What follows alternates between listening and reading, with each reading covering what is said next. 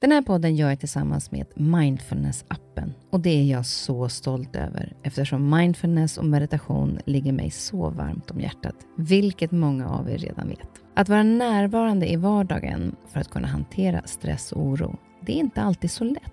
Då kan man ha mindfulness-appen nära till hands för att hjälpa dig när du behöver. För mig kan det vara så till exempel när det gäller sömnen att vissa dagar då har jag riktigt svårt att komma till ro. Framför allt när det är mycket med jobbet. Då brukar jag använda mindfulness-appen och avsluta dagen med en avslappningsövning för att sänka stressnivån.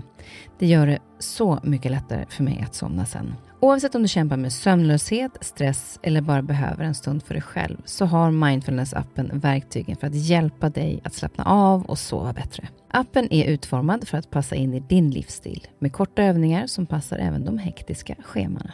Som lyssnare till Nyfiken på så får ni 40% rabatt på prenumerationen av Mindfulness-appen.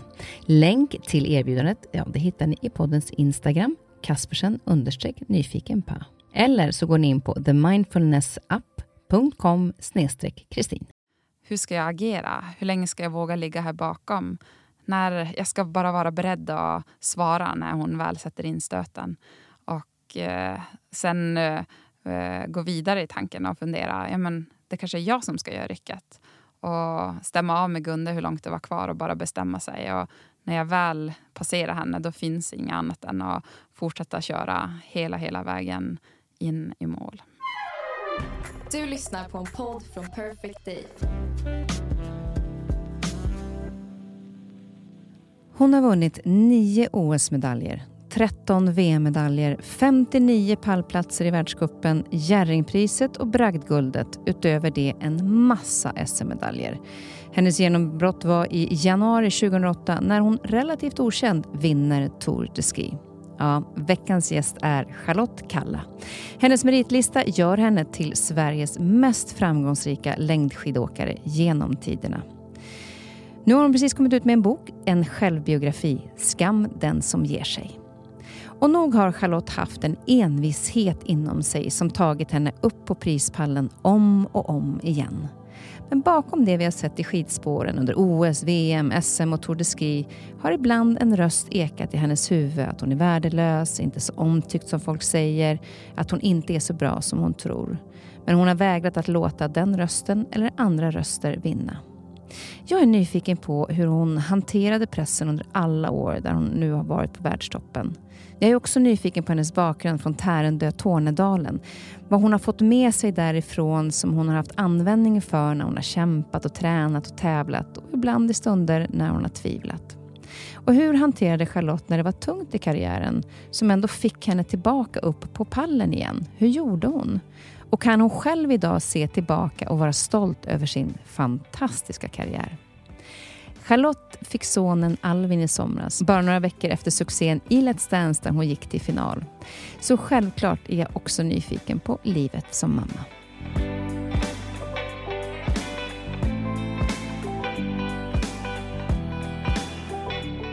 Sist vi sågs så var det ju faktiskt finalen av Let's Dance. Ja, shit, det känns som att det var igår, men ändå har det hänt så otroligt mycket sedan dess. Ja, verkligen. Jag sa just det när du kom in, jag bara, vad liten du är, för du, du var ju ganska rund. Och magen då, väldigt fin mage. Och ja, nu är han här. Nu är han här, skatten. Ja, skatten. Eh, men vad, vad skulle du säga, när, om du tänker tillbaka på tiden i våras med Let's Dance, eh, hur var den resan? Eh, den var otroligt lärorik. Jag är så himla glad att jag tackade ja till den möjligheten som det var att eh, få lära mig dansa. För jag hade lite förväntningar innan, men de överträffades ju långt, långt eh, mycket mer. Och mycket tack vare det härliga gäng som var där. Eh, jag är väldigt glad att ha fått lära känna Tobias.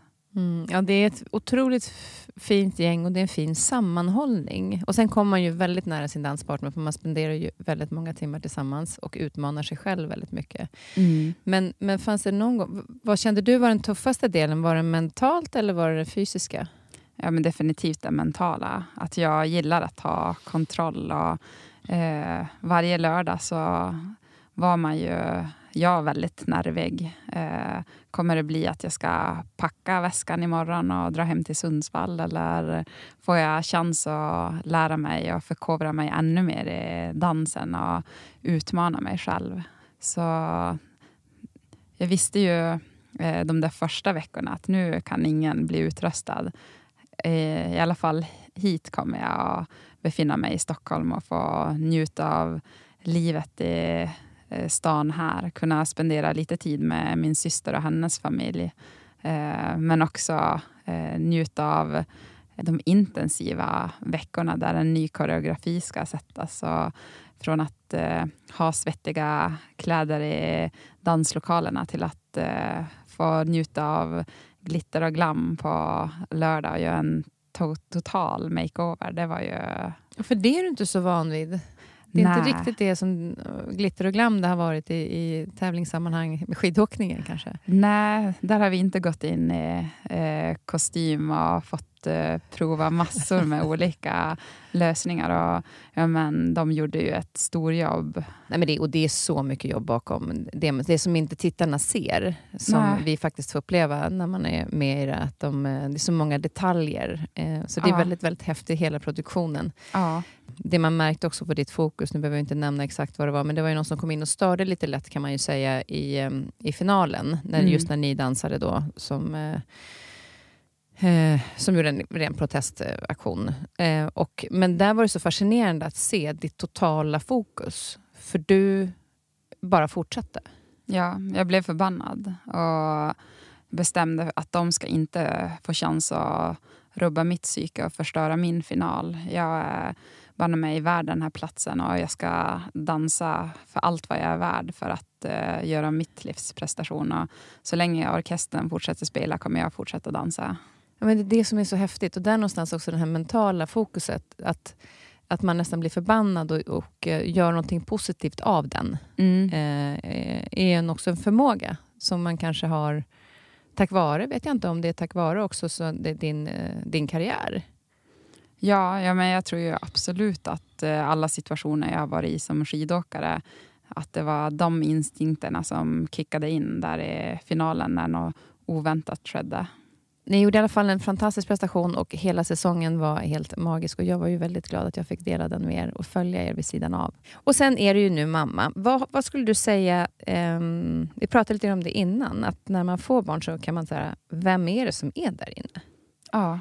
Och sen när han är här så upplevde jag i alla fall att det var väldigt självklart att det var just han som skulle vara här. Hur kände du när Alvin kom? Men det kändes från första stund att eh, han hade som alltid funnits där. Och Det var så självklart att eh, mina rutiner, som annars hade varit väldigt tydliga, eh, det är han som ska lära mig att sätta nya rutiner. Sen kan jag ju ta hjälp av eh, den ordning och planering som jag haft som elitidrottare. Men eh, det är ju han som eh, dedikerar villkoren numera. Och den kärlek som jag känner för Alvin, även fast jag hade fått beskrivet innan för mig att eh, det största som händer i ens liv, det är att få barn. Så behövde det, jag behövde verkligen få uppleva det själv. Ja, det är något alldeles speciellt. Och vi, vi pratade eh, innan också lite grann om det här, när man, jag kommer ihåg när man ammade och när man får den här blicken när de tittar upp på en liksom, och ler. Man bara, nej men alltså det här barnet verkligen älskar mig. Typ. Att man ja. känner också deras kärlek. Ja, det känns verkligen i hela kroppen. Mm. Hur eh, mycket ögonen glittrar och det här leendet. Man kan inte göra något annat än att le med hela kroppen. Det kan jag säga att det gör Charlotte just nu. när man pratar om det och det är så himla fint att se.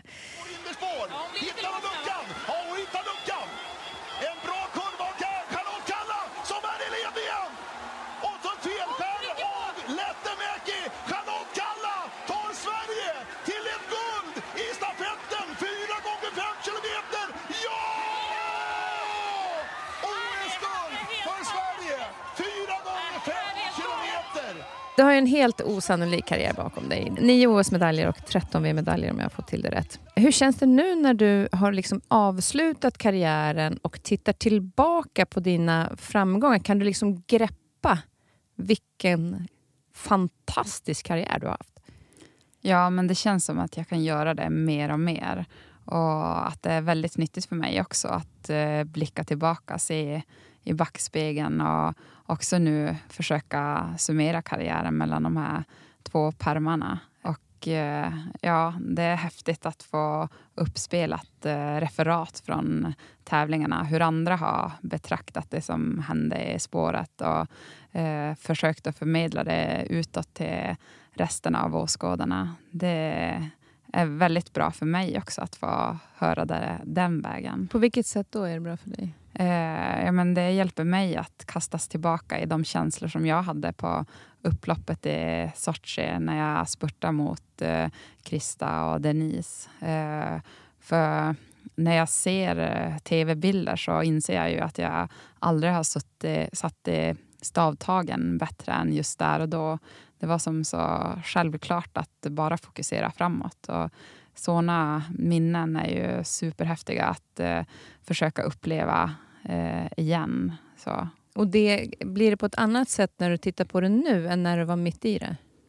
Ja, det var ju... Eller det är ju fortfarande kanske andra som spelar upp och tillåter mig att kastas tillbaka. Jag har varit ganska dålig på att plocka fram minnen själv. Men nu är jag inte på jakt efter nya medaljer i skidspåret längre.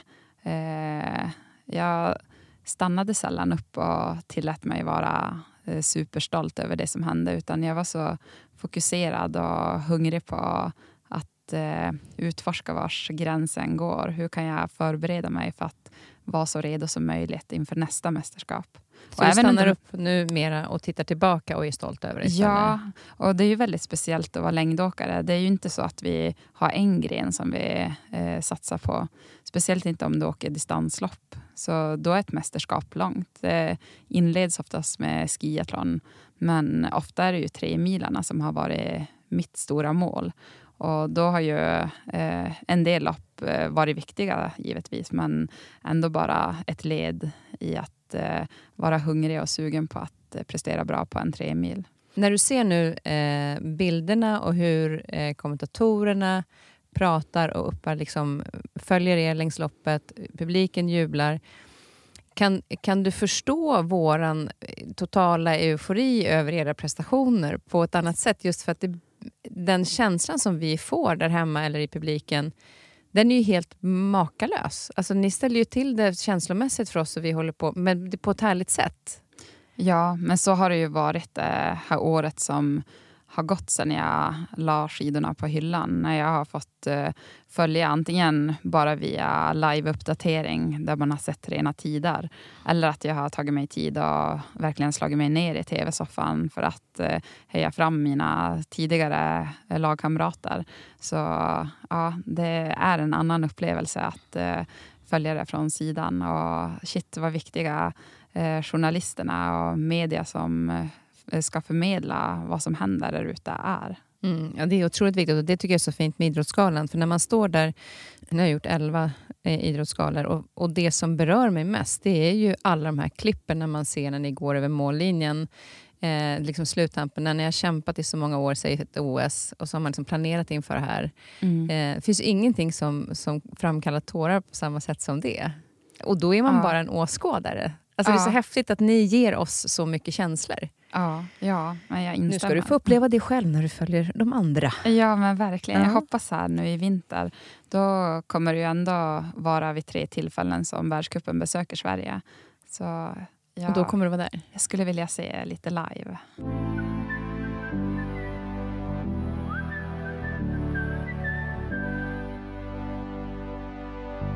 Om vi tittar tillbaka lite grann på din bakgrund. Då eh, växte du upp med mamma eh, Lena och pappa Per-Erik, lilla syster Cecilia och lilla syster Kristel.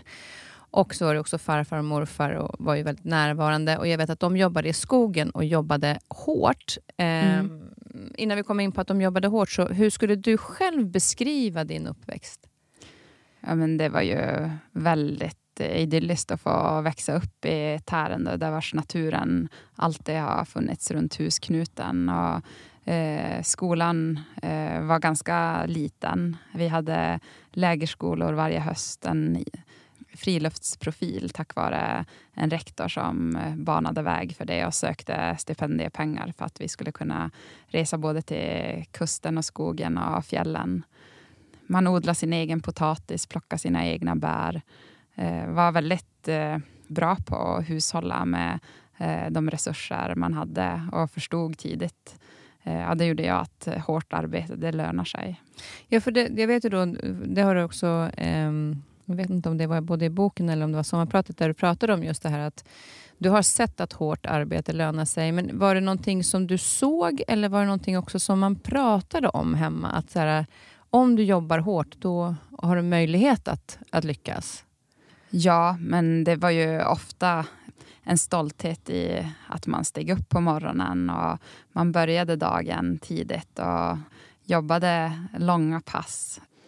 Att eh, man ställde upp för varandra ifall någon behövde en hjälpande hand eh, utan att vänta sig något tillbaka. Mm. Så det är ju väldigt många fina värderingar som eh, har följt med mig från min uppväxt. Så. Och eh, just den här insikten om att eh, eh, ska du få något gjort så är det säkert, säkrast att själv lägga manken till. Och, och, Det var det jag tänkte på. Hur, på vilket sätt skulle du säga att du har haft nytta av det i din karriär? Den bakgrunden att det är en självklarhet egentligen att man jobbar hårt. Ja, att jag har varit beredd att eh, ta ansvar för mina handlingar och beredd att eh, göra jobbet. Och det är väl det som också kanske har odlat den här rösten som jag pratar om i min bok, skamrösten. Mm. Har jag verkligen tagit i tillräckligt? Hade jag inte kunnat uh, göra lite, lite till? Att den uh, ganska tidigt gjorde sig påmind i form av att ifrågasätta om uh, jag hade verkligen ansträngt mig till det yttersta. För du har också sett att familjen gjorde det hemma? Så det var en självklarhet att man gjorde verkligen sitt yttersta. Ja, verkligen. Och lite till kanske. Mm. eh, din familj då, men eh, någonting som du också pratar om i sommarpratet, är ju att eh, ni var ju inte svensktalande, eller din generation över då, alltså mormor och morfar va? och farmor och farfar. Var, mm. var de, för de pratade ju meänkieli. Ja, precis. Eh, och den, eh, det, när jag försökte googla då, så är det en språkgrupp som eh, tillhör då det kallas östersjöfinska språket. Stämmer det? Det var hur man googlade det i alla fall när det stod så. Ja, men det kan säkert stämma, men meänkieli är ju eh, ett eget språk eh, och jag tillhör en minoritet som heter tornedalningar. Och eh, i och med att eh, det egentligen bara är en älv som skiljer Sverige och Finland åt så pratas det ju lika mycket meänkieli som svenska eh, i mitt barndomstärande. Men eh, nu är det tyvärr inte jättemånga som talar språket. Och, eh, det är ju utifrån de val som eh, eh, mina föräldrar och eh, generationerna innan dem har eh, gjort. De val att inte lära mig och mina systrar eh, finska för att eh, de hade en tro om att vårt liv kommer bli enklare. För långt in på 1900-talet så pågick en försvenskningsprocess där eh, svenska var det rätta och riktiga språket. Och eh, min farfar till exempel och hans klasskamrater de fick stryk om de eh, pratade med Angeli i skolan oavsett om det var på lektionerna eller rasterna. För vi bor i Sverige, då ska man prata svenska. Ni är mindre värda, ni som använder meänkieli som modersmål. Ja, för du skriver i boken då att det som tornedalingar utsatts för gjorde att jag blev den jag blev, en umiko. Precis, en omiko, en stolt omiko. Ja. Men, men vad var det de utsattes för? Var det det att de eh, tvingades till att, att prata svenska? Eller vad var det som du menar där att de utsattes för? Ja, och dessutom så fanns det ju rasbiologer som även ville skallmäta tornedalingar precis som samer har blivit utsatta för de här övergreppen. Och det finns dokumenterat på Rasbiologiska institutet även bilder från eh, tornedalingar bakåt i tiden. Men hur känner du över det när du, när du förstår vad de, gick, vad, de fick ut, vad de utsattes för? Jag ryser när jag berättar om det här för det är ju väldigt, väldigt få som ha kunskap. Och eh, det var väldigt nytt för mig bara för något år sedan när jag insåg att eh, rasbiologi även har bedrivits på generationerna innan mig. Och det kanske inte var något som jag funderade och reflekterade så mycket över under uppväxten i Tärendö, utan det är ju långt senare som jag eh, förstår eh, vad ett litet mindervärdeskomplex eh, kommer ifrån. Varför eh, det inte alltid har funnits en stolthet att tillhöra den här minoriteten för att eh, den skulle utrotas. Det var inte fint nog att eh, ha det här ursprunget. Men finns det, det är, för jag förstår så är det också fler av er som växte upp då som då var det liksom, tänkte man inte ens på att lära sig språket. För det var liksom inga konstigheter i er värld, mer än att man inte kunde riktigt kommunicera med kanske mormor och sådär. Ja, det var ju en frustration att inte kunna prata med min mormor till exempel. Både min mormor och farmor är från Finland, så de har ju haft riksfinska som modersmål. Men eh, jag behövde ju mamma för att kunna tolka och för att också kunna eh, berätta saker för min mormor. För hon förstod inte svenska så bra. Mm. Men har du någon gång sen, eh, jag tänker på de som är, för i skolan så tänkte ni inte kanske riktigt på det att lära sig av den anledningen att det var viktigt för ens bakgrund eller för ens mm. historia. Men det är sånt som man ofta, sådana saker tycker jag att man kommer på när man blir äldre. Att historien blir mycket viktigare när man blir äldre än när man är yngre. Mm. Men är det någonting som du skulle kunna känna idag att jag kanske ska lära mig meänkieli då? Ja, jag hade ju önskat att jag hade fått det bara under uppväxten. Mm. Eh, I gymnasiet så läste jag riksfinska ett år, men det var som inte tillräckligt. Eh, och det har ju blivit svårare. Jag valde ändå att flytta från Tärendö som 16-åring för att börja gymnasium i Gällivare. Och eh, det hade ju varit mer naturligt att eh, få med sig språket ifall jag hade haft det runt omkring mig. Eh, nu är det ju allt för sällan som jag hör det pratas i vardagen. Utan det är de få gånger som jag är hemma och hälsar på som det finns naturligt runt omkring mig. Det krävs ganska mycket ansträngning för att eh, jag ska få höra det och upprepa det tillräckligt ofta för att det ska kunna sätta sig. Eh, jag tror att jag skulle behöva ja, anstränga mig bra mycket för att lära mig det idag. Ja, och det finns väl kanske inte så många språkkurser heller i det. Eh, så det är lätt att, lätt att liksom eh, komma in på det på det sättet heller. Ja, och att det skulle, jag skulle behöva stöttning från min omgivning, från eh, eh, människorna nära mig som pratar det idag. Att eh, ja, få in det som en naturlig mm. del och det kanske inte är det enklaste. Men, du är, men man märker väl att du är stolt över din bakgrund och eh, den delen av, av din uppväxt och var du kommer ifrån. Den är viktig för dig. Ja, verkligen.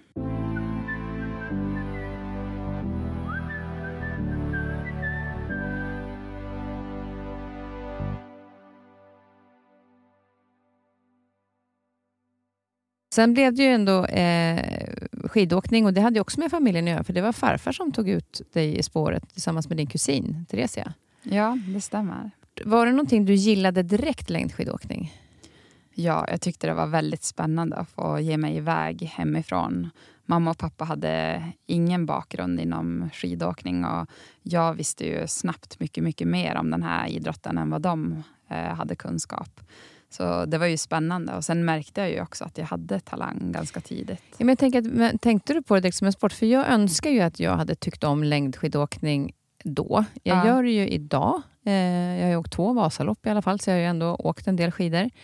Men jag tyckte att det var så långsamt. Det känns som att man gick på tur. Jag bara, men alltså det här går ju då. alltså, jag, jag tror inte att jag riktigt tänkte på det på det sättet som en sport. Men du gjorde det väldigt tidigt. Ja, jag hade en jätteduktig ungdomstränare, Sven Vinsa, som lova att eh, när du blir äldre kommer du få träna hårt och mycket. Men just nu så ska vi göra det på eh, den nivå du befinner dig. Så vi har nått att eh, utforska längre fram. Och det var alltid lekfullt och det skulle inte vara för belastande. utan eh, Vi skulle hela tiden ha kvar glädjen. Det var hans viktigaste målbild. Men hur mycket blev det? För du började ändå som sjuåring och då höll du i det då att du tränade varje vecka redan från det att du var sju år? Ja, vi hade gemensamma träningar på tisdag och torsdagskvällar. Så det var ju veckans höjdpunkter att få gå till Faffa, få skidorna vallade och sen tillsammans eh, promenera till skidträningarna. Så det var farfar som peppade och var med där i början, eller de första åren också? Ja, alltså eh, faktiskt så var min farfar med eh, på varenda skidtävling jag åkte ända tills jag blev junior. Och då var rutinerna så att eh, när vi väl kom fram på tävlingsplatsen så åkte vi ett varv runt tävlingsbanan tillsammans. Men eh, där på gymnasiet så började våra karriärer att gå åt olika håll och han kände att nej, nu måste jag verkligen gena alldeles för mycket för att eh, kunna hänga med dig ett varv. jag hinner inte. Så han var med länge. Nej, jag tänker på att det var liksom, du tränade, tyckte du älskade de här tisdag torsdagskvällarna och, och du fortsatte med träningen. Hade, var liksom, jag upplever att du har ett jäkla pannben. Eh, kunde du, när upptäckte du att det här eh, pannbenet och talangen, att jag kan bli någonting i det här. Hur tidigt var det? Eh, nej men, I början så placerade jag mig ganska långt ner i resultatlistorna. Och jag tror ju att jag började med basket något år senare också fick upp ögonen för att eh, lagidrott var mer frustrerande. För jag var ju tvungen att se till att alla mina lagkompisar också ville det lika mycket som jag för att resultatet skulle bli perfekt. Eh, I skidspåret så var det ändå upp till mig vilka förberedelser jag gjorde. Och jag visste ju att jag behöver träna för att kunna prestera sen senare. Så där ägde jag mer kontrollen över min satsning. Så det var det som gjorde att du valde mera eh, att du gick åt skidåkningen? Ja, men jag tror att det var nyttigt att få hålla på med en lagidrott också. Men du säger där att det inte kanske var så, att det gick så bra i början. Eh, och jag vet vid ett ungdoms-DM i Sörbyn mm. eh, utanför Boden så glömde spiken nämna dig. Ja. Och då hände någonting med dig. Ja, jag blev verkligen sårad av det här. För Jag lyssnade uppmärksamt hur han eh, eh, läste upp namn efter namn och var förväntansfull när han skulle komma till mitt namn. Men det dök aldrig upp. Och jag kände mig så eh, förminskad, bortglömd. Och där väckte sig en enorm drivkraft för att åka bra på det loppet. För eh, det var också en tävling som jag och min tränare Sven hade bestämt att den här eh, tävlingen, ungdoms-DM, det är ett mästerskap. Och här ska vi försöka få till en formtopp. Så han hade förklarat eh, träningen han har lagt upp nu på tisdag och torsdagar ska syfta till att åka som bäst i Sörbyn. Och, ja, så du hade den målbilden? Ja, och så mm utifrån förväntningarna. De eh, räknade inte ens med att jag skulle eh, vara med och utmana. Nu tror jag ju att de av misstag glömde att läsa upp mitt namn. Men just där och då så var det ju inte det som jag uppfattade. Och eh, de kommer inte ha glömt eh, att räkna upp ditt namn någonsin mer, för att du tog din plats.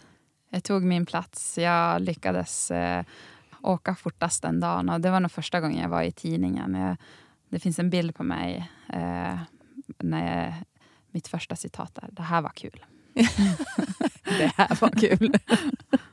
så härligt. Men det var också så att du, när du eh, började på gymnasiet så var ju skolan egentligen nummer ett vad jag förstår och skidåkning nummer två. Mm. Men du, någonting som jag inte riktigt eh, förstod eller har tänkt om dig, men det är ju för att man kanske sett dig som elitidrottare, det var ja. att du, du var en partytjej.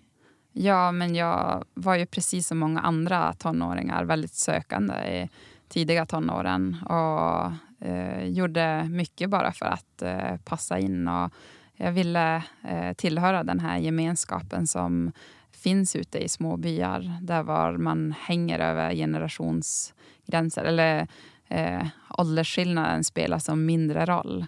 Men eh, med de häftiga i byn, det var där jag också ville vara. Så det blev ändå, eh, kan det vara bra också att ha fått såna år innan man går in på elitsatsningen? Så att man har fått vara ungdom ett tag?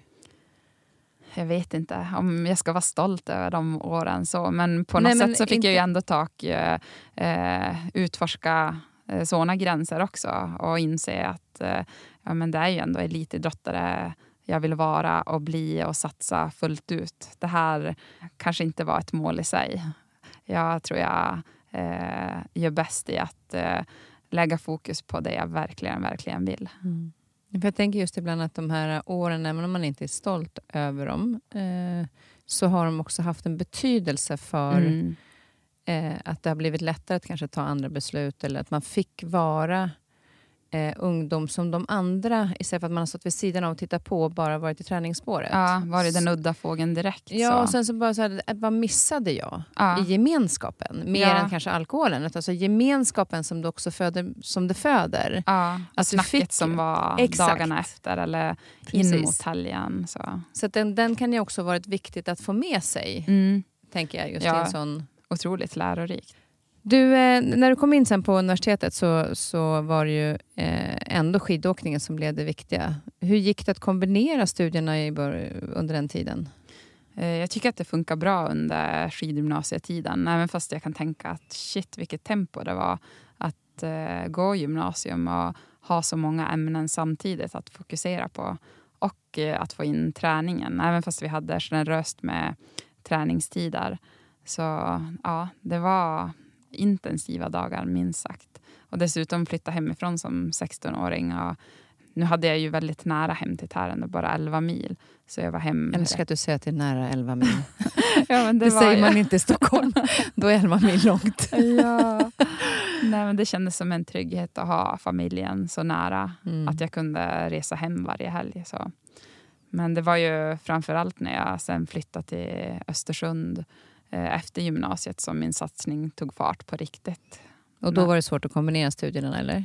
Du gjorde Ja, ett försök i alla fall. Jag gjorde ett försök, men det var ju också eh, under mitt första seniorår som jag vann Tour de Ski. Så efter nyår så var det omöjligt eh, att hitta rätt fokus på det. För det var ingen som hade förberett mig på hur ett genombrott kan se ut och vilka eh, fler åtaganden som behöver få plats i schemat och att det går faktiskt att säga nej. Du Mm. kommer inte kunna tacka ja och slå knut på dig själv. Och, ja, där kuggade jag min första tenta och valde att eh, försöka läsa året därpå men eh, tog studieuppehåll ganska på en gång. Där blir det fokus på någonting annat. Utan ska man göra någonting fullt ut så är det väl kanske det som... Eh, och vi ska komma till, till eh, det. Men jag vill också det här med att jag tycker att det var så häftigt när, det här med att när du kom med i juniorlandslaget så var det den här norrmannen Inge Bråten som hade redan förutspått det. Ja. Berätta. Ja, på gymnasiet så hade vi besök av eh, tränarna, eller förbundskaptenen Inge Bråten och eh, tränaren Joakim Abrahamsson. Och de ville bara berätta om läget i laget och eh, hälsa på oss eh, unga talanger. Och när vi går ut från lokalen så kommer Inge ikapp mig och tar tag i axeln och säger nästa år kommer du bli med i landslaget. Kom ihåg när jag sa det första gången till dig. Och jag var inte så bra på norska och blev alldeles ställd. Att, var det verkligen, har han tagit rätt? Var det mig han skulle säga det här till? Och har jag hört rätt? Så det betydde ju väldigt, väldigt mycket för mig att höra redan där och då. För då var det bara junior-SM jag hade åkt bra på. Jag hade inte åkt eh, junior-VM eller representerat Sverige internationellt än. Så den, det gav dig någonstans liksom också en liten kick i att han tror på mig. Alltså det här betydelsen Mm. av att någon ser en eh, i din, eh, och kan också se ens framtid. Ja, verkligen. Och det var inget ja, men exceptionell på under eh, den här första tiden i landslaget för mig. Hur han eh, verkligen hade fullt fokus och jag fick eh, verkligen känslan av att han sa inget bara för att säga det utan han menade verkligen varenda ord han eh, eh berättade åt mig. Och eh, att han vågade satsa på mig som inte hade resultaten för att tillhöra ett landslag för att han trodde att jag hade något extra. Men sen gjorde du ju också landslagsdebut eh, 2006. stämmer Ja, det? Mm. stämmer. Eh, och då, eh, när man läser lite grann om det så är det just det här att eh, ganska snabbt ändå så får du ju möta de här landslagsåkarna som du själv hade suttit och tittat på och beundrat. Mm. Hur är det när man kommer som lite grann som junior och kliver in i det gänget som är, har, har erfarenhet och har åkt mycket och sen så kommer man lite, inte utifrån men från sidan och plötsligt ska man vara en del av det. Eh, Det kändes ju som att kliva in i tv-rutan när jag eh, fick se dem på Arlanda och insåg att vi ska på samma flight. Jag ska dra på mig nummerlapp i samma tävling som dem. Eh, och jag fick dela rum med Lina Andersson som länge hade varit min eh, stora idol under ungdomstiden. Eh, Hur var det? Eh, det var ju nervöst, men det var ju också eh, något som gjorde att jag växte något enormt under de här dagarna ute på världskuppen. Att eh, alla tog emot mig eh, med öppna armar och eh, behandlade mig som en i gänget. Så. Och då är man ju, det, det kan jag också tänka mig just när det gäller skidåkning, för du pratar ju om att du är en individuell idrottare, kanske i första hand. Mm. Men ni är ju också ett lag. Ja. Hur, hur var det när du klev in i... Eftersom du hade tänkt att valt bort basketen, för det är inte ja. liksom, lagidrott jag håller på med. Och sen kommer du ändå in i ett lagsammanhang. Ja. Nej, men jag har alltid trivts bra i gemenskaper och det har varit viktigt för mig att eh, känna mig eh, Eh, en del av gruppen. Så eh, jag försökte ju passa in så gott jag kunde eh, och suga åt mig så mycket information som möjligt och lära av dem som hade mer erfarenheter. Så nyfiken, det har jag varit hela livet och det hoppas jag att jag fortsatt kommer vara. Men har det betytt mycket också då att man inom skidåkningen har haft sina individuella lopp och sen har man kört också vissa stafetter och så vidare tillsammans? Att du, man får både? Ja, definitivt. För eh, Även fast det utåt sett kanske verkar som väldigt ensamt och du ska stå ansvarig själv så har du ju ett enormt team runt omkring dig. Det är dina tränare och du behöver lägga det här pusslet för att eh, balansen ska vara den rätta. Dina vallare och det teamet som sliter eh, från tidig morgon till sen kväll för att vi ska ha så bra material som möjligt. De betyder ju något oerhört. Att eh, damer och herrar tävlar på samma orter och på samma villkor. Det har ju också betytt mycket. Och att mm, eh, lagsammanhållningen är viktig just därför att det är en, br en bra och god stämning i och med att eh, det är en, ett stort gäng som reser på turné tillsammans. Och där vet jag också när, när ditt stora genombrott då, som kom, Tour de Ski, eh, precis passerat över till 2008. Eh, inför det så hade du och Anna Haag en speciell, fick ni speciell kontakt. Vad, vad, för det har du pratat om. Vad var det som med dig och Anna som var speciellt? Eh, men under hösten innan mitt genombrott så var vi en jättestor eh, damgrupp som tränade tillsammans. Och det var väldigt viktigt för min utveckling att eh, vi hade bra sparring under eh, sommaren och höstens träningsläger. Och när väl tävlingarna drog igång så ja, jag tog och presterade bra i världskuppen men även Anna Haag gjorde riktigt bra resultat. Och bland annat eh, tävlingen innan touren i Davos så var det snudd på att hon eh, närma sig en pallplats. Och det var ju verkligen en värdemätare. Att, eh, ja, här är vi två unga tjejer från Sverige som faktiskt eh, eh, kan vara väldigt långt fram när vi får det att stämma. Så jag tror ju att eh, hennes framfart eh, också banade väg för att eh, jag skulle kunna åka så där fort på Tour de Ski. För din känsla blev att kan, kan hon så är vi ju kan jag också. Ja, verkligen. Vi har ju sparrat mot varandra under ett helt träningsår. Men sen vet jag att kvällen innan så, så blev du lite rädd. Ja, det var ju en hur häftig upplevelse som helst under touren fram tills eh, det skulle dras ihop. Och vi bara hade en etapp kvar. För fram till dess hade jag fått överraska mig själv och det är ju det häftigaste du kan göra. Eh, en sak att överraska andra, men just att eh, jag kunde skratta hela veckan över bara, men gud, jag hade ingen koll på att jag kunde åka klassiskt så här bra. Shit, hade jag snabbaste tiden här och här? Och jag vann en sprint. Eh, det här är ju helt galet. Händer det här? Men där och då så insåg jag ju på kvällen, vi hade sista stigningen kvar och den som eh, skulle passera mållinjen först uppe på toppen skulle ju stå som segrare. Och ja, nu skulle det avgöras. Och sen kom ju den här dagen när vi eh, som tittade... Eh, alltså, när man ser när du eh, sticker iväg, det såg ju som att du sprang upp. eller vissa säger klättra, för det är ju sjukt brant. Det är ju nästan som en svart pist vad jag förstår. Ja. Den, den, eh, alltså man, man ser inte riktigt hur brant det är faktiskt. Man ser att det är brant, men, Mm. men det är brantare än vad det syns på TV. Den, när, vad är du minst starkast ifrån själva den branten? Var det när du ryckte eller var det när du passerade? Alltså, vad minns du själv bäst därifrån? jag, nästan innan, när jag låg i rygg på Virpe. Och, ja, men, det upplevdes ju som att både minuter och timmar gick, men så länge var det nog inte. Eh, hur jag ältade och hade orostankar om men hur pigg är hon egentligen. Jag känner mig jätte, jättefräsch, men när kommer hon sätta in rycket? Och in i dimman. För de två kombatanterna nu. Hur ska jag agera? Hur länge ska jag våga ligga här bakom? När jag ska bara vara beredd att svara när hon väl sätter in stöten. Och eh, sen eh, eh, gå vidare i tanken och fundera. Ja, men det kanske är jag som ska göra rycket. Och stämma av med Gunde hur långt det var kvar och bara bestämma sig. Och när jag väl passerar henne då finns inget annat än att fortsätta köra hela, hela vägen in i mål. Hon... Nu kommer hon! Nu kommer rycket.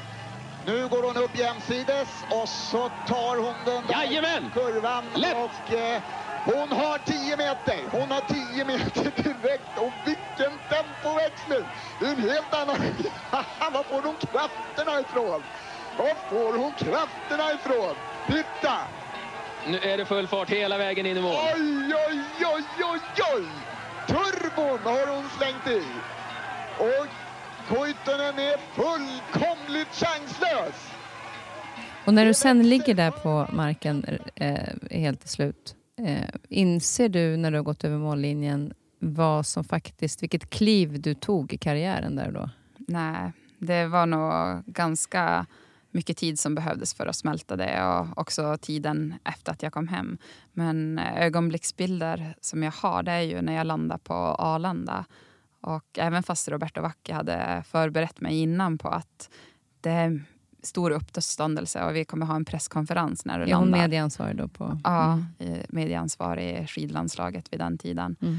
så var det ändå nästan skrämmande att komma till Sky City och han behöver bana väg för oss två för att ta oss in i konferenslokalen som de hade eh, ordnat presskonferens i. Ja, det var ju en, en, en, ett stort, stort kliv som du tog och sen då som vi nämnde tidigare så har du tagit nio OS-medaljer, 13 VM-medaljer, 59 plats, eh, pallplatser i världscupen och en massa SM-medaljer. Eh, när du tänker på den här karriären, vad, vad skulle du säga var det, det bästa med tävlingarna? Vad, vad var det du gillade som mest med dem? Ja, men äntligen! Det här som jag har tagit och längtat efter så länge. Nu är jag här. Nu ska jag bara ut och få eh, ligga på den här belastningen där vars det pirrar lite lagom mycket i låren. Och jag kommer att våga eh, gå på hårt över kröna för jag vet att eh, återhämtningen är så sjukt bra just nu när jag hade lyckats med formtoppen. Eh, och ofta fick jag ju indikationer på passen eh, in mot mästerskapen ifall jag var på väg på, åt rätt håll. Eh, men ja, fortsatt så skulle jobbet göras och då försökte jag bara boosta mig med eh, positiva tankar och hålla undan tvivlen så gott det gick.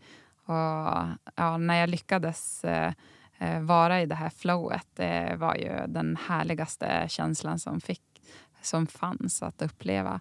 Just att eh, det jag önskade eh, utföra, det, eh, det hjärnan sa åt kroppen att göra, det verkställdes.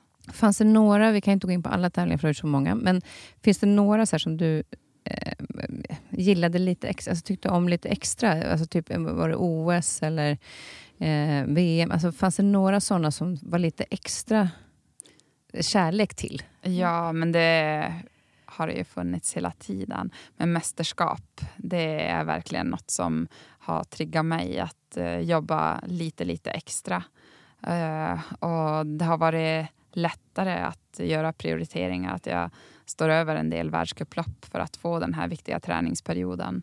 Eh, sen eh, OS är ju speciellt för att man reser iväg som en stor trupp och representerar Sverige på ett annat sätt än eh, när bara skidlandslaget reser iväg. Att ha fått uppleva både ett VM i Norge men också ett VM på hemmaplan, det har ju varit riktigt mäktigt. Så jag är lite avis på dem som eh, nu har VM i Falun 2027 mm. framför sig. Det kan bli riktigt intressant. Men ja, OS är ju speciellt. Jag är ju sån som tycker att det älskar när det är just såna OS. Till exempel, jag vet ett år köpte jag till och med en ny TV för jag tyckte att den var för dålig för att se sport på. Och mina söner fick eh, typ öroninflammation eller någonting bara helgen innan, innan invigningen var. Nej. Och, och vi låg alla tre i eh, soffan i fyra dagar. Och då sa jag till dem att förlåt, det är inget kul att ni är sjuk, men fan vad bra tajmat det var. så det är bara man, kan, man kan bara lägga titta på sport hela, hela tiden. Ah. Och det ena loppet efter det andra. Det är helt eh, ljuvligt tycker jag med, med dem. Så det är bara intressant också att höra utifrån ert perspektiv liksom, hur, hur det är just med såna intensiva perioder där det liksom, man vill bara vara i det fokuset. Ja. Nej, men det är ju också ganska lätt att bara skala av. Nej, men vet du, den här frågan, det tar vi några veckor bort. Just nu så vill jag bara boosta mig med positiv energi. Mm. Att det är enkelt för sig själv också att eh, inte prokrastinera men ändå eh, be om mer tid. Ja, det här är faktiskt inte viktigt att bestämma just här och nu.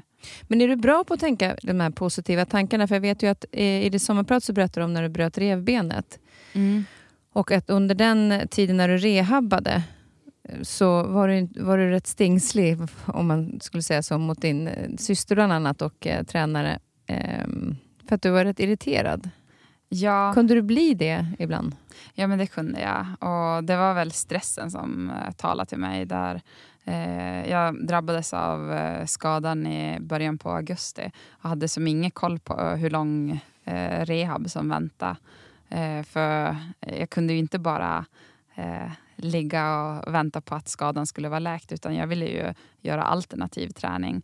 Och helst så mycket så att eh, det var tydligt att ja, men nu är det nallar på gränsen. För då visste jag ju att jag inte passerar den, men jag är nära. Eh, ifall jag inte hade några känningar så kändes det som, ja men varför har vi safeat så mycket? Jag hade ju säkert kunnat plussa på. Även fast jag också i en nästa sekund förstod att om vi är nära gränsen så kommer ju vi dra ut på rehabprocessen istället för att kunna vara tillbaka på den röda tråden tidigare så fanns ändå lusten där att eh, eh, ja, utforska hur mycket kan vi belasta utan att det blir för mycket. Lite Men jag som... märker ju att jag fortsatt är så. Även fast jag inte har någon deadline nu så har det varit en liten rehabprocess efter förlossningen. Och jag vill ju gärna ut och springa på stigarna i skogen och inte behöva fundera eh, ja, eh, hur ha, förhålla mig till en träningsplanering. Så jag har ingen stress, jag har ingen lopp jag ska springa eller skidlopp som jag ska åka.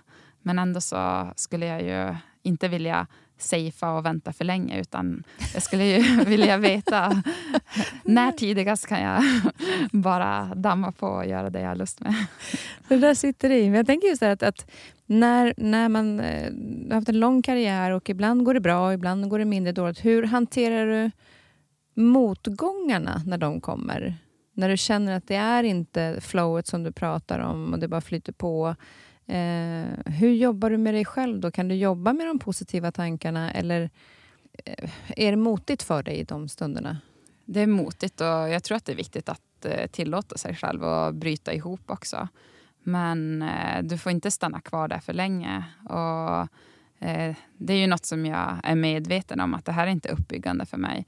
Men eh, det behöver vara jag som tar upp telefonen, skickar sms eller ringer samtalet där jag ber om hjälp hej, jag skulle behöva din hjälp för att eh, ta mig upp ur den här svackan som jag befinner mig i just nu. För är det inte jag som ber om hjälp, har insett att nej men nu får det vara nog, då finns inte heller drivkraften. Det är aldrig någon annan som kan ge dig den motivationen. Den måste komma från dig själv. Och, eh, det kan ju vara väldigt utmanande för människor runt omkring mig att eh, eh hålla sig på avstånd veta att de kan påverka men eh, det är ju först när jag är redo som deras eh, hjälp och tips kan eh, få blomstra fullt ut. Men har du varit bra på att be om hjälp då när du har behövt det? Eh, ja, men jag har ju blivit bättre på att eh, kunna sätta ord på Jaha, nu tänker jag så här och det får mig att känna så här och därför väljer jag att agera på det här sättet.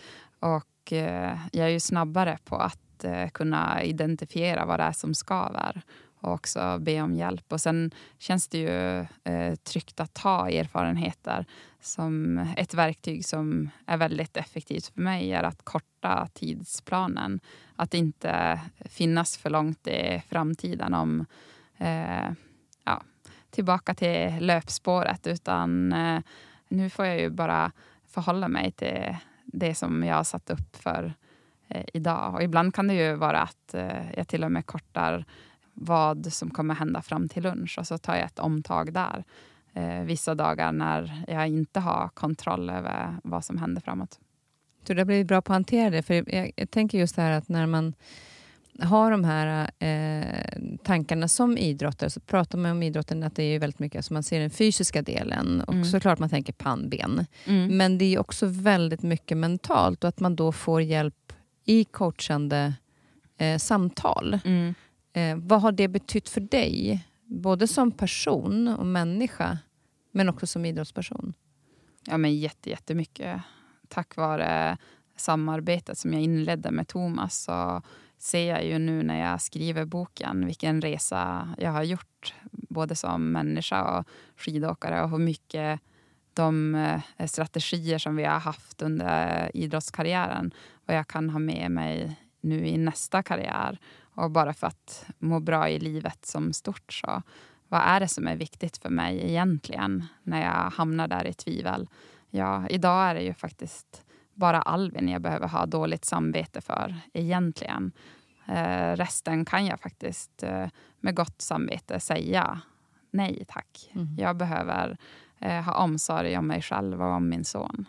Men har det också hjälpt dig? För jag vet många idrottare, som, det som jag har pratat om, men som vi också har liksom, eh, hört om, har ju mått väldigt dåligt när de slutar sin karriär. För man är inte längre sin prestation. Eh, och vet inte vem man är till slut. Mm. Eh, så att när prestationen försvinner, så, så, så försvinner nästan golvet. Alltså man vet inte var man ska ta vägen. Mm. Eh, hur, hur var du i det läget? Kunde du känna att kanske den här mentala delen som är coachandet hjälpte till på vägen? Ja, sen tycker jag att det har varit lite speciellt det här året som har varit. För det känns som att eh, jag... Eh, eh, förfrågningarna har inte sinat. Det är inte så att det blev tost, tyst och tomt och att jag fick en eh, kalender som var helt tom helt plötsligt. Då tror jag kanske att det hade upplevts annorlunda. Och jag är också medveten om att eh, det kommer säkert att sina kommande år. Men det har varit, jag har ändå upplevt mig ganska påpassad det, sen jag blev skidpensionär. Eh, så jag tror att eh, jag vet inte hur tystnaden skulle vara. Men kan du känna att du eh, inte bara är din prestation, utan du är också Charlotte? Ja, verkligen. Vet du vem du är där? För det är det som ja, jag men har det känns, som att, ja, det känns som att eh, arbetet med Thomas ändå har varit väldigt viktigt. Eh, så att jag eh, redan under min karriär har landat i att jag är så mycket mer än resultatlistan. Även fast den här skamrösten fortsatt kan ifrågasätta om ja, men är du verkligen på riktigt. Så pratar den ju... Den, har den varit stark den rösten? Ja, men den eh, har varit mycket starkare i början av min karriär. Mm. Och eh, sen eh, känns det som att jag har kunnat tygla den med hjälp av eh, eh, alla samtal som jag har fått ha med personer runt omkring mig som betyder mycket. Jag tänker också att det är viktigt för de som eh, går in i idrotten eller som håller på, som är unga idag, att också inspireras av det. Att det är viktigt att jobba med den mentala delen också, att man vet värdet Mm. av sig själv och inte bara sin prestation. Ja, För att, att livet i sin helhet längre fram också ska bli hållbart. ja. ja, men verkligen i boken har jag ju haft som mål att eh, få unga idrottare och även eh, allmänheten att förstå att som idrottskvinna och man så är du så mycket mer än en robot och en maskin.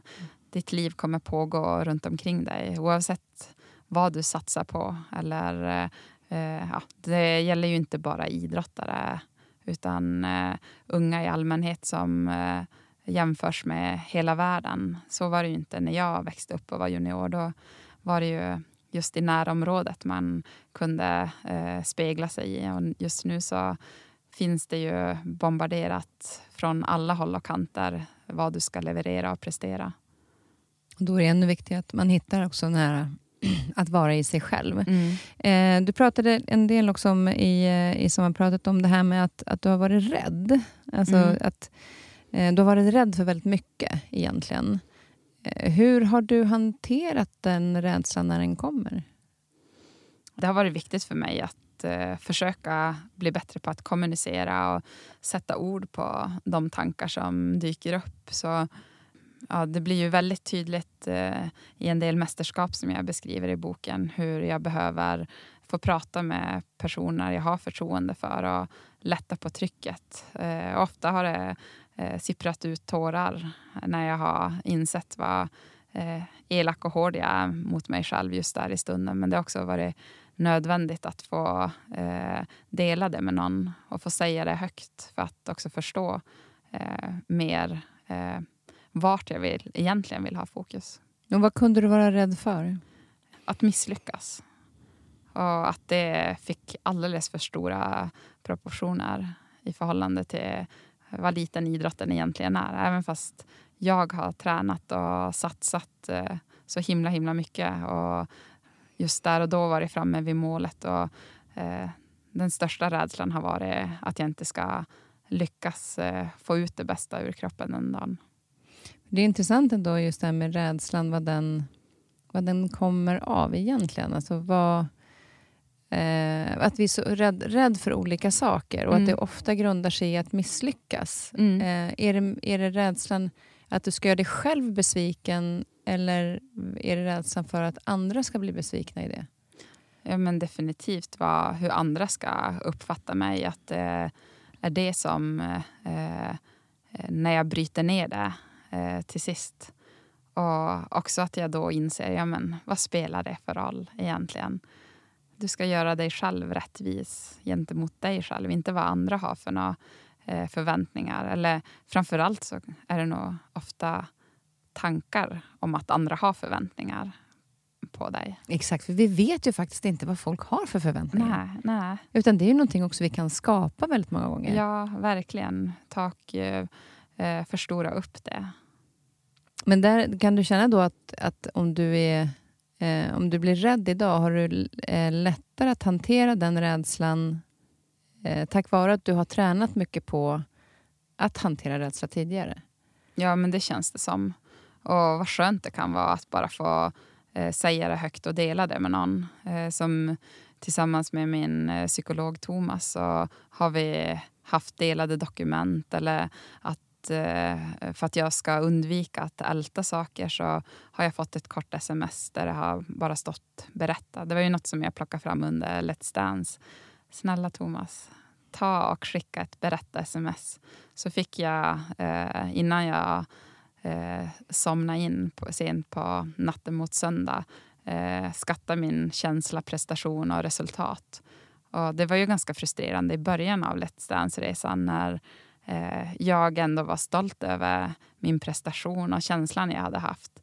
Men eh, resultatet eh, och det jag hade att förhålla mig till av poängen från juryn det eh, rimmade inte med insatsen och hur nöjd jag var över det jag hade eh, genomfört. Hur var det?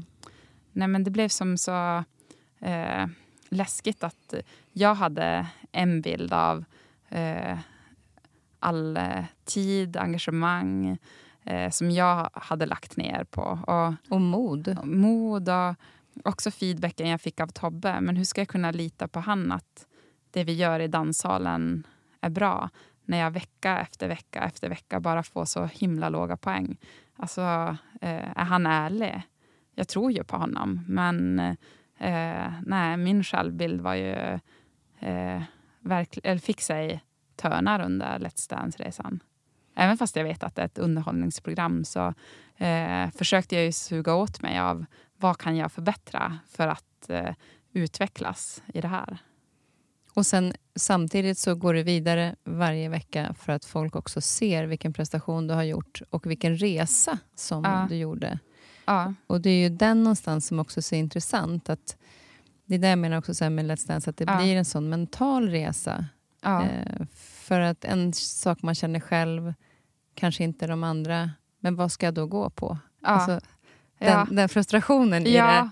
Men berätta vad jag ska göra annorlunda. Ja, och som jag tror var Hampus sa, det, vad fasiken, det här är bara ett underhållningsprogram och nu står jag här och är helt mentalt slut. Ja. Men där är det ju också det här att, att hitta sina verktyg när som du då hamnar i den här situationen där så här, vad gör jag nu? Och så vet Mm. du att du har ett verktyg och det är ju smsa honom Mm. Eh, för att få verktygen som, som du då kan hantera för att prestera till nästa vecka. Mm. Att den, den är så... eh, Jag skulle, det är en sån här grej som jag önskar att skolorna hade. Alltså Mm. sån här mental utveckling för Mm. Ja, barn i skolan. Liksom. Exakt. Så att man kan hantera sina rädslor, att man kan hantera nervositet, att man kan hantera ett misslyckande som i sig inte är ett misslyckande utan kanske skapa någonting annat för att du vågade. Mm. Och hade du inte gjort det misslyckandet så hade du inte lyckats med nästa. Nej. Men vad viktigt det är att ha någon att hålla i handen. Mm. Bara känna att eh, ja, men, den här personen har jag förtroende för. Jag vågar öppna mig och blotta sånt som eh, känns väldigt läskigt att ens erkänna för sig själv. Vad viktigt det är att bara eh, känna den tryggheten i att jag har en vuxen som är beredd att lyssna på mig. Jag hoppas verkligen att det är många som lyssnar på dig nu, för det finns så många, framförallt unga tjejer, det finns unga killar också, men som är väldigt mycket i det här att jag ska klara det här själv. Och man Mm. tror att alla andra klarar Mm. eh, sin framgång och det de gör själva. Mm. Eh, och inte har eh, hjärnspöken eller Ja. inte har... Utan det blir en sån bild, framförallt kanske med sociala medier, att man inte förstår Mm. att man har sin inre kamp, men att man hittar sina verktyg och att man har någon att vända sig till och be Mm. om hjälp. Verkligen. Även liksom vår mest framgångsrika skidåkare har det. Mm, eh, så sitt inte hemma i ditt rum och fundera på att du ska hantera saker själv. Mm. Men som du sa så bra tycker jag, det är att vi behöver be om hjälp. För folk kan inte lista ut att du behöver den. Nej. Eller när du behöver den. Nej, verkligen inte. Man är kanske inte alltid... När någon tror det så kanske man inte är mottaglig. Nej. Så man får, måste säga det ingen kan ge dig motivationen heller. Utan du måste eh, inse själv att eh, här är jag, jag vill ta mig dit. Och du är en person som jag tror har förmågan och verktyg att eh, hjälpa mig på rätt spår. Mm.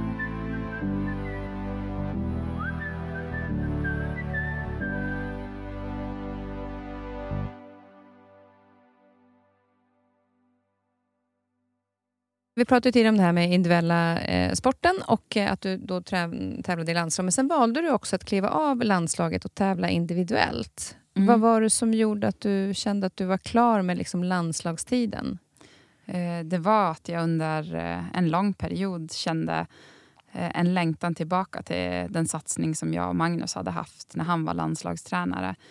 Vi försökte som hitta lösningar där jag mellan landslagsläger pendlade upp till Piteå och han kom ner till Sundsvall. Och det går ju att sköta träningsplanering på distans men det blir ju inte lika effektivt som när man har chans att umgås flera dagar. Vet att ja, men, eh, nu har vi två veckor på oss att jobba med de här tekniska detaljerna eller få till det här på fartpassen. Och han kan verkligen vara ögonen på plats.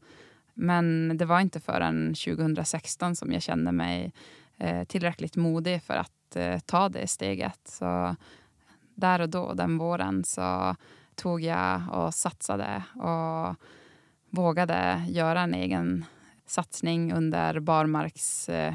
Eh, året. så det var först när tävlingsdräkten skulle dras på i Ruka som jag var tillbaka i landslagets regi. Vad betyder det för dig att göra den, den satsningen, att träna själv? Men det var ju något som eh, verkligen har varit utvecklande för min karriär. Och jag ville verkligen inte känna den dagen jag har lagt skidorna på hyllan. Ja, men vad hade det kunnat generera? Jag var tvungen att vara, eh, få utforska det när jag väl hade tänkt den tanken. Och sen valde du att avsluta eh, på hemmaplan. Mm. Eh, var det viktigt för dig? Där du, där du började din karriär? Det blev ju egentligen en slump. som Jag, eh, jag hade inte funderat på eh, att sluta förrän jag kom hem från OS 2022. Då eh, tog jag tag i den tanken på riktigt och eh, gjorde ett jobb med ett A4-ark där jag eh, listade både fördelar och nackdelar med att sluta och fördelar och nackdelar med att fortsätta. Och eh, sen eh, visste jag att ja, men den här säsongen kommer de sista tävlingarna bli uppe i Piteå. Och när jag inser att ja, men det kommer bli karriärens sista tävlingar så kändes det så himla himla fint att få sluta cirkeln. Jag tänker också bara när man var på arenan, när man har eh, varit till exempel under ett OS, så intensivt i blickfånget, kameror, publiken, allting runt omkring. Hur är veckorna efter? När allting tystnar på något sätt? Eh, är det skönt eller blir det tomt? Nej, men det blev intensivt. För helt plötsligt så skulle jag eh, försöka planera för livet efter. Eh, jag hade inte alls en susning om vad jag ville lägga tiden på. Jag var ju lika inställd på att eh, dra igång en ny eh, träningssäsong som ja, vågskålen att eh, lägga skidorna på hyllan. Så vanligtvis så brukade jag ta semester och tillbringa tid i fjällen på andra skidor än längdskidor. Eh, njuta av våren i Sverige, för det är ju bland det mest magiska som finns. Men det blev lite mindre tid över för sånt den, den våren. För just det blir så skillnad, tänker jag, i eran, alltså karriären som när ni tävlar så är det så jättemycket uppståndelse och sen ja. så ibland så är det ju bara träning och tyst. Ja. Finns det en tjusning i båda två eller kunde vissa perioder vara lite jobbiga? Nej, men det var ganska härligt under sommaren att inte behöva vakna upp varje dag och fundera vars formen var. För mm. Det var ju massor med veckor och månader kvar innan jag behövde reflektera över det. Eller i alla fall att det skulle ha betydelse för om jag kvalade till ett eh, mästerskap eller inte. I juli så var det ju väldigt befriande att jag skulle vara sliten periodvis. Men du har ju också i boken eh, berättat med, eh, om det här med hjärnspöken. Vi har varit lite inne på det, att du har tagit hjälp och sådär. Och det, det kan man läsa mer med boken, för jag vill inte, man ska gå inte gå in för mycket, för det är en fantastiskt fin bok. Eh, och eh, otroligt härligt att eh, få se livet liksom bakom ehm, den karriären som du har gjort och det du också har betytt för oss i Sverige. Eh, och det ska jag också passa på. Tack för all underhållning som du, och spänning som du har gett genom åren. Helt eh, fantastiskt. Alltså det är ju bästa, bästa, bästa. Så nu får vi titta på de andra som kommer efter dig. Men det har varit verkligen... Eh, du har givit oss väldigt, väldigt mycket. Och det hoppas jag. Kan du känna det? Ja. Jo, men det är ju många som är duktiga på att komma fram och berätta vad de har gjort. Att de till och med har så starka minnesbilder av vad som hände i deras liv i samband med Tour de Ski eller stafetten i mm. Sochi. Så det kan du ta till dig idag? Ja. Mm. När, när vi nu liksom lämnar eh, karriären, eh, skidorna är på, alltså tävlingsskidorna är på hyllan. Mm. Hur har det varit att ge dig ut när du bara ska ut och åka skidor och inte tävla? Hur var det förra året? Ja, men det var härligt att få ge mig ut. Det kunde vara när jag har var färdigt med plugget en dag. Så bara, Åh, nu ska jag unna mig en skidtur. Eh, det har inte blivit jättemycket tuffa pass utan mer njutarpass i lugnt tempo. Ibland i sällskap av någon annan. Men jag passade på att åka mycket skidor innan jag drog ner till Let's Dance-äventyret. För jag missar ju som min favorittid ja. skidåkningsmässigt. Och så vår. tänkte jag, men åker jag ut då kommer det bli en bonus. Då kommer jag få hänga i fjällen i vår också. Men det gjorde du inte. men sen också tänker jag så här, är det inte också skönt för allt det här med kost och träning, alltså all den här schema Alltså, ja, det... Jo, men eh, det är ju det. Att inte vara så noggrann. För jag har ju som ändå behövt uh, styra upp och säkerställa ifall man har haft vänner över på lunch eller varit bortbjuden på middag. Ja, men exakt vilken tid kommer maten stå på bordet? För jag kanske måste ta det här återhämtningsmålet eller kommer det vara först vid sju vi käkar. Så, eh, och alltid vara den tråkiga som säger att Nej, men, eh, det är nog dags att gå hem för jag ska upp tidigt imorgon och träna. Det behöver du inte nu.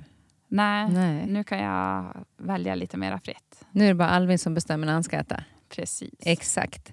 Eh, du pluggade under våren samtidigt som du var... det här med att göra saker parallellt. Mm. Eh, pluggade samtidigt som du var med i Let's Dance.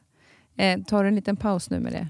Nu har jag tagit en paus. Det kändes eh, eh, nyttigt att få prova på att eh, ha flera olika bollar i rullning och jag kände ju att eh, jag mådde inte bra av att ha den belastningen i vår. Så det var självklart och skönt att ta studieuppehåll. Och sen får vi se vad som händer sen. För nu, nu man tittar på framtiden då, vad, hur ser du på den? Jag vet att ni har en podd, ska jag säga, Vinterpasset som börjar 16 november. Ja, Eh, då får du ju liksom dyka in i skidåkningen i alla fall. Vad betyder det för dig? ja men superhärligt. Jag tycker det är så bjussigt av Jonna och Hanna och Elvira att bjuda på det. Berätta lite om podden. Jo, men vi kommer att dyka ner och prata dels om aktuella händelser men också grotta ner oss i olika ämnen som jag är nyfiken på, på dem och även att jag kan bjussa på mina erfarenheter. Och det kommer vi göra tillsammans med Kjell Eriksson som eh, inte är lika insnöad som oss vad gäller längdåkning och skidskytte. Så jag hoppas att många vill vara med oss på resan. För jag ser fram emot att få regelbundet surra med de här tjejerna. Och följa med hela säsongen. Jag får en liten hint om vad som händer där ute. Då, då får du vara med på en liten hörna i alla fall. Och ni delar med, oss, eh, delar med er till oss dessutom. Eh, och då, sen, så du har vinterpasset, du har kommit ut med boken nu, Skam den som ger sig. Den kommer ut den 31 oktober. Eh, och sen är du mamma. Ja. Är det det, kan du hålla dig till de sakerna eller är det, liksom, är det fler saker du har på gång också? Eh, Det är lite fler projekt, men eh, mamma är det som jag prioriterar. Så att du kan göra projekt så länge det inte tar tid av eh, tiden med Alvin. Ja, definitivt. Och sen är jag världens bästa sambo som ställer upp på eh, ja, gör det genomförbart att eh, ha projekt vid sidan om. Mm. Och där är ett, ett bra teamwork. Du, du har ju jobbat med det genom åren, så att ni har ju, du har i alla fall tränat på det teamarbetet med tanke på um, skidåkningen, där man Mm. är ett team, Ja, verkligen, och backar verkligen. upp varandra. Eh, jag måste också innan, innan jag ska höra vad du är nyfiken på, så eh, det här med att människor ger en väldigt mycket glädje och man, det betyder att man har människor omkring sig. Så hade du två personer som eh, typ eh, satte igång hela Let's Dance-publiken och fick alla att dansa. Och då visste man precis att Magda och Jenny var där. Jajamän. Alltså de tjejerna var ju, är ju helt fantastiska. Hur mycket hinner ni ses? Ja, men de är ju båda två tvåbarnsföräldrar. Så eh, det är intensivt i deras liv också. Några du kan ringa och fråga om du behöver råd. Ja, men definitivt. Men det var, eh, det var härligt att se dem och det var härligt att se den vänskapen. Vad betyder att du har, för du verkar ha en väldigt fin närhet till dina, liksom, de, de vänner du har, även om du har varit ute och rest så mycket, Ja, så finns de kvar. ja men det är ju väldigt Har ni varit bra på att hålla speciellt. kontakten hela vägen? Eh, ja, men i perioder. Jag hade förmånen att ha Jenny boendes i Sundsvall förra hösten. Det var riktigt lyx och oväntat. Eh, så eh, vi försöker hålla kontakten och det är ju grymt vilka eh, möjligheter som finns idag. De är två tjejer som verkligen ger mig energi. Och det är ju speciellt. Många av mina skidvänner är ju spridda över hela landet. Och man tog det så för givet under landslagskarriären att ja, men vi ses ju varje läger. Och sen helt plötsligt så eh, tog karriärerna slut och eh, man flyttade till sina respektive orter och så ses inte lika ofta idag. Eh, Men du får hälsa dem så gott. Det Två tjejer göra. som verkligen spred glädje även för, till oss andra. Framförallt backar de upp dig, men de gav väldigt mycket glädje eh, till hela, hela publiken. där på Let's Dance. Ja. Vad är du nyfiken på? Just nu är jag ju jättenyfiken på utvecklingen hos fyra månaders bebisar eh, som Alvin närmar sig. Eh, det är så himla häftigt att se eh, vad som händer med honom varenda dag och jämföra från vecka till vecka vad eh, han är för någon eh, liten kille. Skriver, eftersom jag vet att du skriver ju mycket eh, när det gäller träning och eh, eh, pepp och att du har, det såg jag även under Let's Dance, att du var, hade dina listor och sådär. Men kan du skriva mycket också om hans utveckling? Ja, Skriver du ner jag sånt? tycker att det ändå är bra att det finns appar som hjälper en att kunna ja, men berätta vad som förväntas den här månaden. Eller att man kan också dokumentera när eh, första sakerna dyker upp. Så. Ja, Och- det finns nu ja. Ja. Nu kände jag att det var länge sedan jag fick barn. jag gjorde nämligen, hade Filip som är äldst. Ja. Då var ju inte mobiltelefonerna, i det, alltså fanns ju inte smartphones då. Nej. Men då gjorde jag, jag tog ju sjukt mycket bilder. Ja. Men då hade jag ett album där jag gjorde liksom en månad och så var det ett uppslag. Åh, Och sen så såg jag nästa eh, uppslag var två månader. Ja, Och så skrev jag lite typiska saker som hände, för då kunde man se hur så tydligt mellan varje månad hur han utvecklades. Eh, och sen är det så här, nummer två får ju inte... Man är inte, jag är inte lika bra på att spara, men däremot så fick ju han eh, alla filmer och sånt, för då hade ju smartphones kommit. Så där Just var det ju på ett annat sätt. Men det är ja. väldigt roligt att titta tillbaka på, just det här när man ser utvecklingen som Mm. sker. Men vad är han i för läge nu? då? Är är- Sover han bra på nätterna? Är han liksom, lugn och glad kille? Eh, nej, men han vill ha lite närhet och käk nattetid också fortfarande. Hur fan njut av det. Ja, Alltså, det är så. det är mysigt. men jag kan vara lite trött också emellanåt. Ja, men det får man vara. Ja. Det är okej att vara det när det är för dem, men den närheten är ju helt fantastisk. Så du ska få eh, åka iväg snart. Du ska vidare. Mm. Det har varit fullspäckat nu för dig de här dagarna med eh, all press kring eh, boken. Mm. Men en fantastiskt fin bok. Grattis till den och tack för att du skrev den. Och tack, Tack. för att du kom hit. Vi ska avsluta med en låt. Precis. Vilken vill du lyssna på då? Eh, Matt Simons med eh, Catch and Release. Och det var en fin story bakom den. Ja, jag fick den skickad eh, av Fredrik när vi precis hade träffats. Han var i Singapore och jag var i Kanada. Och vi försökte fundera, när på dygnet ska vi höras egentligen? det var Lite olika tidszoner. Ja, Och då skickade han till den, den till dig. ja, den här tycker jag du ska lyssna på. Den är bra. Då gör vi det. Tack snälla Charlotte och lycka till och njut av eh, Alvin och mammarollen nu. Tack så mycket. Everybody got the reason, everybody got the way. We're just catching and releasing what builds up throughout the day. It gets into your body and it flows right through your blood. We can tell each other secrets and remember how to love. Da da dum da dum dum. Da dum dum dum. Da dum dum. Den här podcasten är producerad av Perfect Day Media.